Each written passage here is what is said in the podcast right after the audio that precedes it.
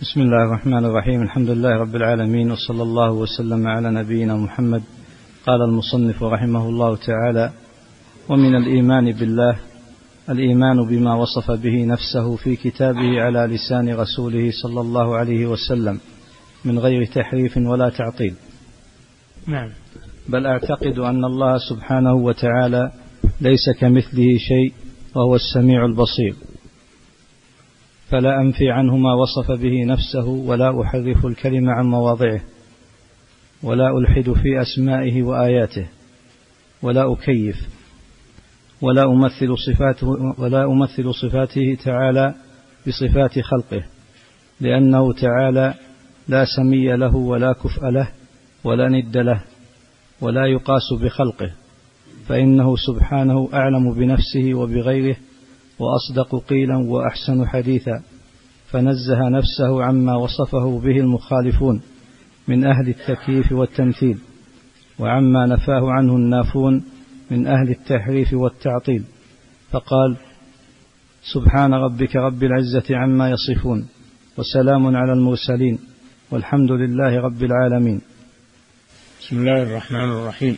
الحمد لله صلى الله وسلم على نبينا محمد وعلى آله وأصحابه أجمعين. يقول الشيخ رحمه الله إنني أعتقد ما تعتقده أهل السنة والجماعة في الإيمان بالله عز وجل. سبق أن أركان الإيمان ستة الإيمان بالله وملائكته وكتبه ورسله واليوم الآخر والإيمان بالقدر خيره وشره. ثم قال الشيخ رحمه الله ومن الإيمان بالله الإيمان بأسمائه وصفاته التي جاءت في الكتاب والسنة فإن الله سبحانه وصف نفسه بصفات وسمى نفسه بأسماء الذي يؤمن بالله يؤمن بأسمائه وصفاته. أما من جحد الأسماء والصفات فإنه لم يكن مؤمنا بالله عز وجل. وهذا فيه فرقتان ضالتان.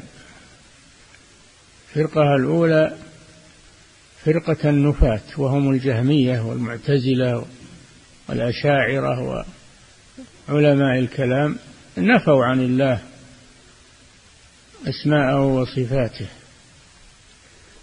نفوا عن الله أسماءه وصفاته. بحجة يزعمون أنهم لو أثبتوها وهي موجودة في المخلوقين السمع والبصر والكلام وغير ذلك شبهوا الله بخلقه.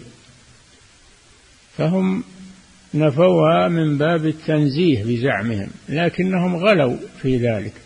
نعم الله ينزه عن مشابهة المخلوقين ولكن تنزيه بلا تعطيل تنزيه بلا تعطيل ونفي لأسماء الله وصفاته. والطرف الثاني الذين غلوا في الإثبات وهم المشبهة فأثبتوا الأسماء والصفات وشبهوها بصفات وأسماء المخلوقين. ما أهل السنة والجماعة فهم وسط في ذلك. فهم يثبتون الأسماء والصفات على وجه يليق بالله سبحانه. المخلوق له صفات والله له صفات. وليست صفات الخالق مثل صفات المخلوق. كما أن الله له ذات سبحانه. لا تشبه ذوات المخلوقين. فكذلك له أسماء وصفات لا تشبه أسماء المخلوقين وصفاتهم. فلا يلزم من إثبات الأسماء والصفات تشبيه الذي فر منه الجهمية والمعتزلة. لا يلزم هذا.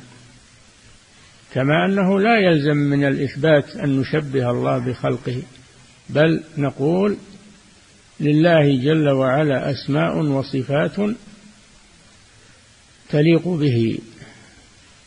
وللمخلوقين أسماء وصفات تليق بهم.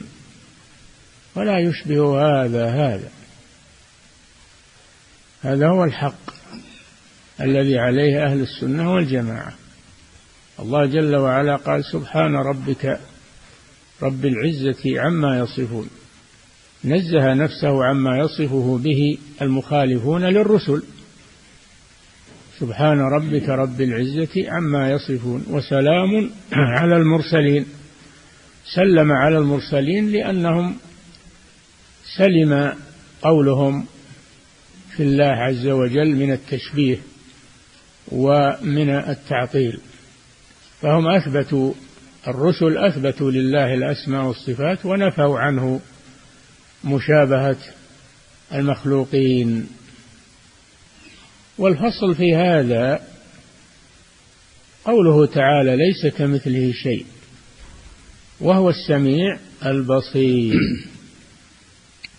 فنفى عن نفسه المماثلة للمخلوقات وأثبت لنفسه السمع والبصر وهو السميع البصير.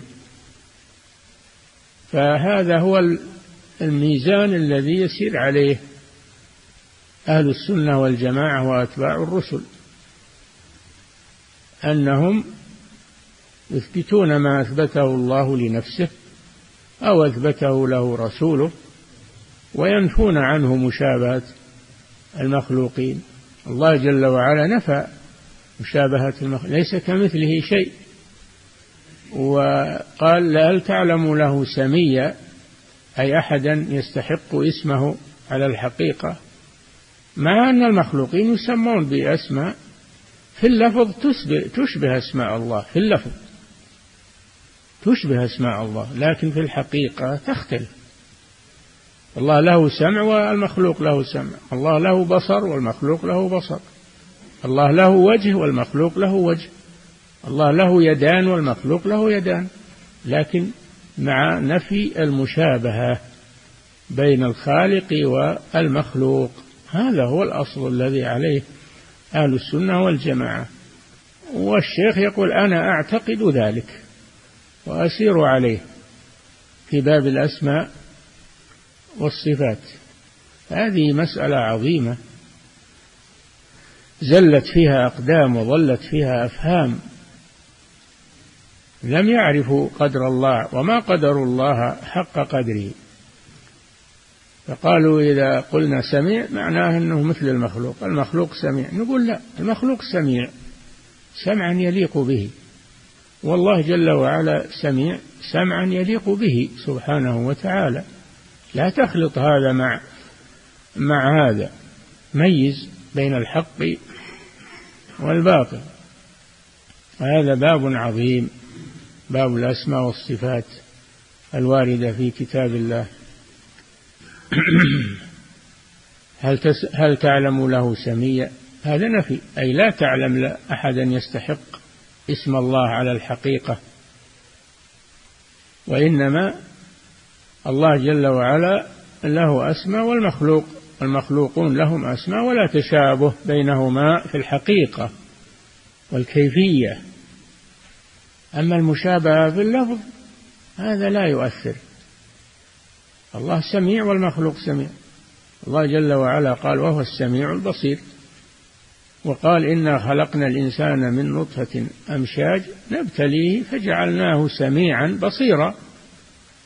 فلا تشابه بين السمع والبصر بين الخالق والمخلوق. فقوم غلوا في التنزيه عن فنفوا الأسماء والصفات. يقولون هذا من باب التنزيه بزعمهم وقوم غلوا في الإثبات شبهوا الله بخلقه وكلا الطائفتين ضالة مخطئة في هذا الباب. وإنما الحق أن نثبت لله ما أثبته لنفسه وما أثبته له رسوله من الأسماء والصفات على وجه يليق بالله سبحانه وتعالى. ونثبت للمخلوقين أسماء وصفات تليق بهم. فلا تشابه بين هذا وهذا. لا يلزم من التشابه في اللفظ تشابه في الحقيقة والكيفية. هناك أشياء متشابهة في اللفظ وهي وهي مختلفة في الحقيقة حتى في المخلوقات. حتى في المخلوقات بينهم تشابه في العموم ويختلفون في الكيفية والحقائق. إذا كان هذا في المخلوقين فكيف بين الخالق والمخلوق سبحانه وتعالى. هذا آه، معنى كلام الشيخ في هذا الباب.